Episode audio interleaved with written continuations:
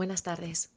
Estamos en Poesía La Buchaca y en esta ocasión quisiera que reflexionáramos sobre la estrategia mental que utilizamos para tomar buenas decisiones. Constantemente estamos escogiendo. ¿Escoges qué me pongo? ¿Qué desayuno? ¿Voy al cine? ¿Qué estudio? ¿Le digo que le amo? ¿O me lo callo en silencio? Me encantaría poder decir que en el programa de hoy Vamos a presentar un método infalible para tomar siempre las mejores decisiones. Pero no lo haré. La mentira tiene las patas cortas. Y bueno, no mentir, por muy dura que sea la verdad, es siempre una buena decisión. Así que esta será nuestra primera recomendación. A la hora de tomar una decisión, tómala desde la honestidad, desde tu verdad, sea la que sea ya que es contigo con quien vas a tener que convivir el resto de tus días. Permíteme que justifique este alegato con una poesía. Se llama Mentiras.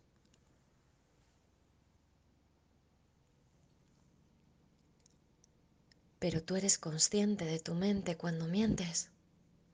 Te juzgaste y te culpaste. Por eso ahora mientes. Qué miedo me tiene si no he de juzgar de nuevo las cosas de otro tribunal. Que el non bis in idem me impide cambiar tu propio castigo después de engañar. Y te quedas culpado y huyes del amparo de contar la verdad, cerrando el recurso a poder perdonar y curar la herida que dejas sangrar por vergüenza del hecho que no puedes cambiar escondido en el miedo, a sufrir la sanción te condenas eterno a vivir sin perdón? Deja mentiras aparte y valora la opción. Medita sereno y tente compasión. La verdad por delante es mejor solución.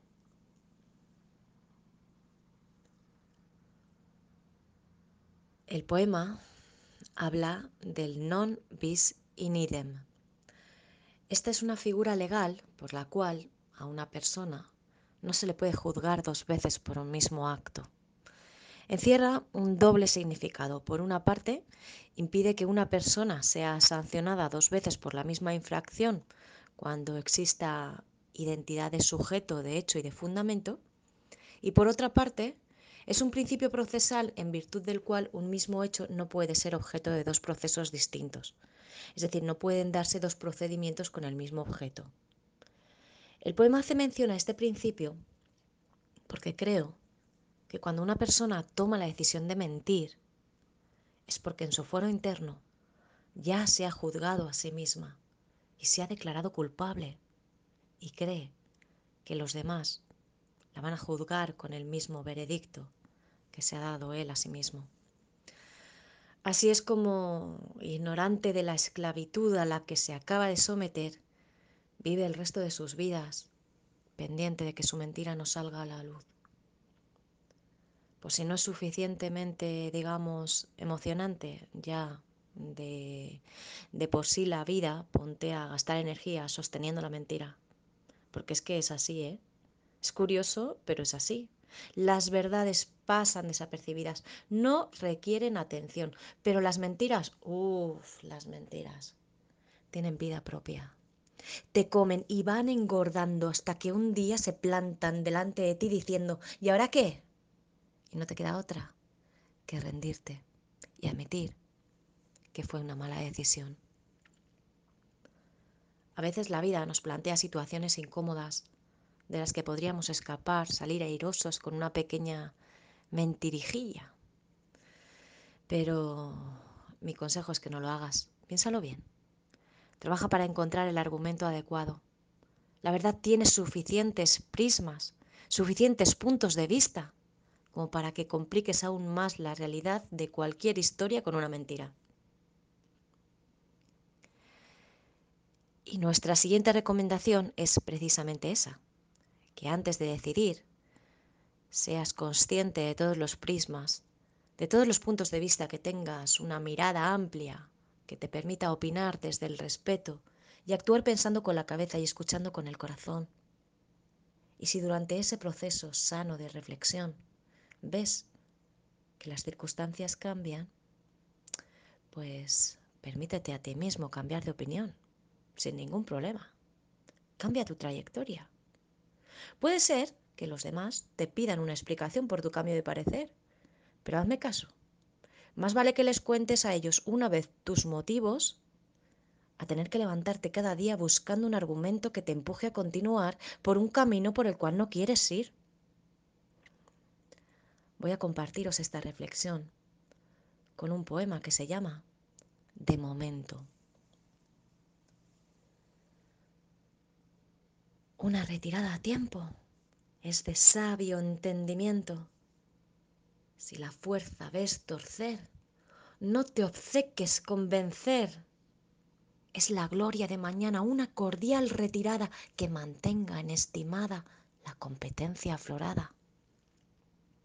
No confundas con derrota lo que solo te denota inteligencia cabal, que en el arte de la guerra la batalla no es final y muestra tu grandeza en el campo de mediar mientras retomas con fuerza tu estrategia militar.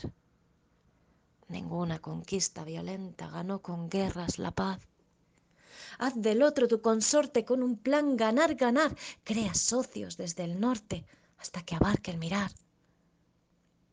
Que hoy estás a las maduras y mañana Dios dirá.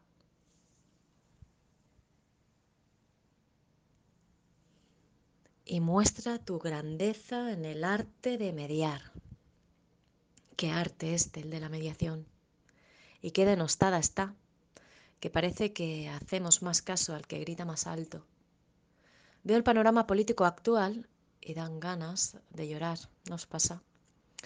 A veces imagino que existe una mano perversa que juega con nosotros como en un tablero de ajedrez y que siendo nosotros peones, no tenemos suficiente amplitud de mira para ver la estrategia global del tablero. Y de repente te encuentras que un tal Donald Trump gana las elecciones en Estados Unidos o que incluso lo proponen como candidato a ganar el Premio Nobel de la Paz. Increíble, ¿no? El mundo se ha vuelto loco. Voy a evitar la tentación de hacer ningún tipo de adoctrinamiento político, ni siquiera diré mi orientación al respecto, más allá de apelar al sentido común y al espíritu crítico. Y tan importante me parece este espíritu que yo lo bauticé con el calificativo de bendito. Y le hice un poema que os voy a compartir. Se llama Bendito Espíritu Crítico. Que te han metido en la mente que tú has elegido comprar los programas de otros entes que no te quieren soltar. Quieren que te regales, que pierdas tu identidad, que seas igual que todos y que dejes de pensar. Que veas gran hermano, que seas o no catalán y pienses que es extranjero. Viene a quitarte el pan, el recelo y la codicia la siembran así de fácil.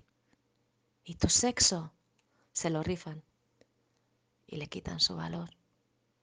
Lo separan de tu alma, se comen tu corazón y también lo venden barato. Lo venden al por mayor y te quieren ver desnudo para vestirte ellos así, con lazos o cacerolas, con etiquetas o escudos, encadenado a las redes. No puedes elegir y de noche tu inconsciente te manda luz y cordura, que él si ve lo que te pasa y es todo una locura, que tu criterio divino se camufla y se diluye. Y si eres tolerante, y si tratas con respeto, no te rindas, sigue el reto, no dejes de caminar, que el silencio es numeroso, aunque solo oigas el ruido, confía, ten fe y sigue, sereno, sigue que aquellos que resisten están más cerca del sol que derrite las capas que ocultaban sus virtudes y que hable el corazón, que Babel guardó ese idioma por si urgía la ocasión. Y que no te esconda el miedo y que no te convenza el mal. Y sigue con tu criterio en tu lucha personal, que a nadie le rindes cuentas, que es a ti a quien va a afectar. El daño que causes a otros en tu impronta va a quedar. Y no guardes más dolores, ni prejuicios de otros, ya. Muéstrale al mundo que hablas el idioma universal.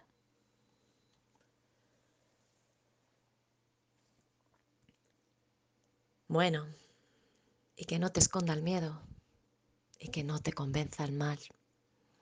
Vaya, qué importante es saber elevarse sobre el tablero y tener la habilidad de ver la situación completa y tener esa visión amplia que os permita, que nos permita anticiparnos a cualquier jugada maquiavélica que no nos dejemos llevar con los que quieren sembrar el miedo, la rabia, la envidia.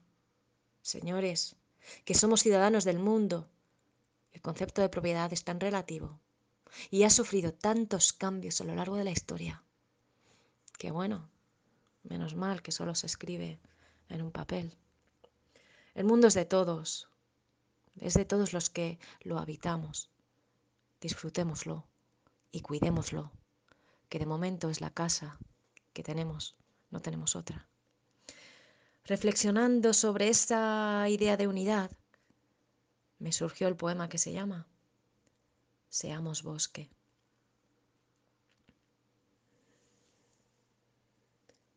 Eco de tiempos pasados, la historia se repite, sin ver que se limite por los daños causados y vuelve un Robespierre a luchar por los vasallos, creyéndonos en la piel, que siguen aquí los tiranos. Ni los unos, ni los otros hablan de paz o entusiasmo, siebran la rabia y el miedo exaltados por su ego, y alzan ismos como iguales sin encontrar diferencia en actos irracionales de purgar castas violentas o tiranos medievales.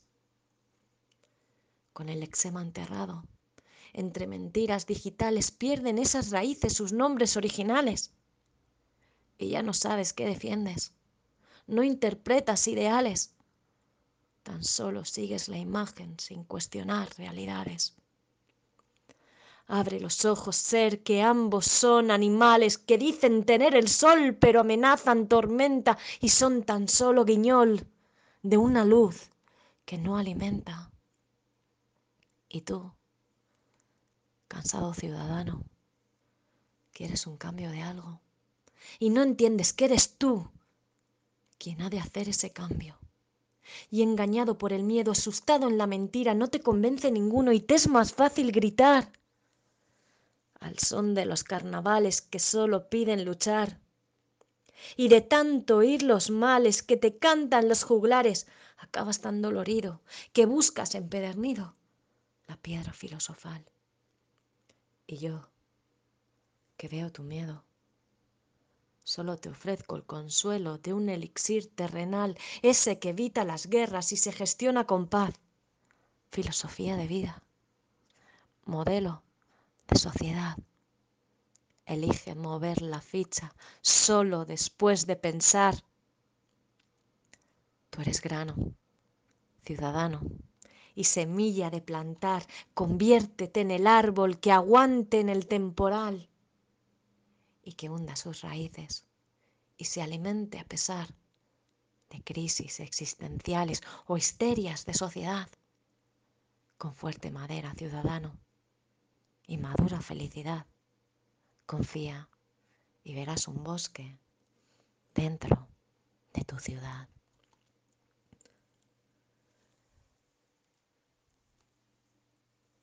que dicen tener el sol, pero amenazan tormenta.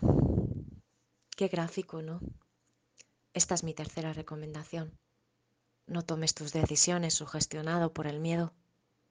En un país civilizado como el que nos encontramos, el miedo no debería ser una buena estrategia. Actuar por miedo, huir por miedo, dejar morir por miedo, amar por miedo. ¿Te das cuenta que ese por miedo, lo estropea todo. Sé valiente y no compres los miedos que otros te vendan. Medita, desdramatiza, valora lo que tienes, lo que quieres, lo que vales tú y los demás. Y decide por convicción propia y respeta la convicción de los demás. Actúa por convicción, tú no vas a huir. Tú en todo caso vas a evitar un desencuentro. Con plena convicción. Vota por convicción para que todos podamos escucharte. Y ama, porque te da la gana y a quien te da la gana. Porque cuando llega el momento, si hay voluntad real de negociar, de mediar, de llegar al encuentro, si dejamos de jugar al despiste, si nos damos cuenta de todo lo que tenemos, de lo afortunados que somos, de todo lo que nos une, las posturas, cuando se acercan, se mestizan. Me encanta esta palabra, mestizar. Según la RAE dice cruzar personas de distintas etnias o culturas. Y creo que ninguna otra suma pudo ser nunca tan enriquecedora para la humanidad. Así llego a mi cuarta recomendación. Trata de que tu decisión sume. Permitidme que os comparta un poema que nos invita a copiar algunos métodos de la naturaleza para que todo nos vaya mejor. El poema se llama Nuevas corrientes de pensamiento crítico.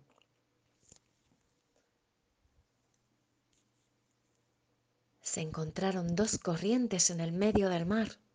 Tenían fuerzas opuestas cuando empezaron a hablar.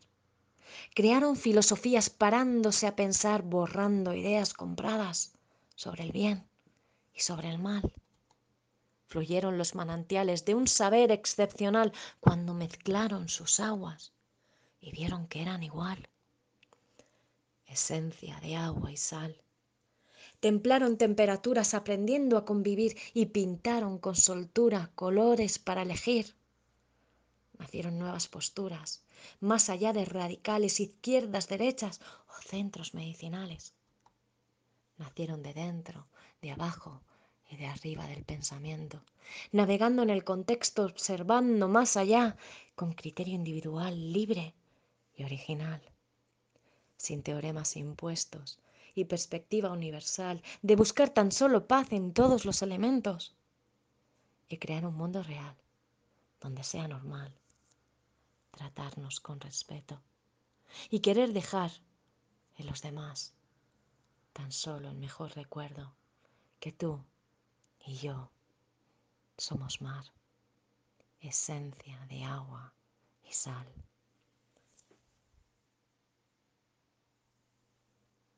Y llegados a este punto, y ya para ir terminando, voy a contaros qué hago yo cuando tengo que tomar una decisión en pro de la búsqueda de la eficacia y la eficiencia en la toma de decisiones. Siempre me hago la siguiente pregunta. ¿Esto que quieres hacer puede tener consecuencias dentro de 20 años? Si la respuesta es no, no te lo pienses, hazlo cómprate esos zapatos, tómate esa cerveza, ves al cine, sal de fiesta, cómprate ese libro, ves al concierto, haz ese viaje. Pero si la respuesta es que sí, quiere decir que se trata de una decisión de primer orden. Si decides tener un hijo, las consecuencias tendrán nombre y apellido. Y si Dios quiere, te llamará papá. Si decides casarte, si decides hipotecarte, si decides cometer un delito, si decides ser infiel, piénsatelo todo con calma. Y si tienes dudas y te pudieran ayudar, recuerda mis recomendaciones. Primera, no mientas. Segunda, ten una visión amplia, respetuosa y con espíritu crítico. Tercera, no decidas sugestionado por el miedo. Cuarta, que tu decisión sume, es decir, que no reste ni divida. Y quinta, dedica a tomar tu decisión solo el tiempo necesario. En fin, con estas reflexiones para ayudar a decidir y con la esperanza de que os hayan resultado de utilidad, me despido de vosotros hasta dentro de 15 días donde seguiremos pensando en las cosas de la vida con más poesía. Un abrazo fuerte y hasta pronto.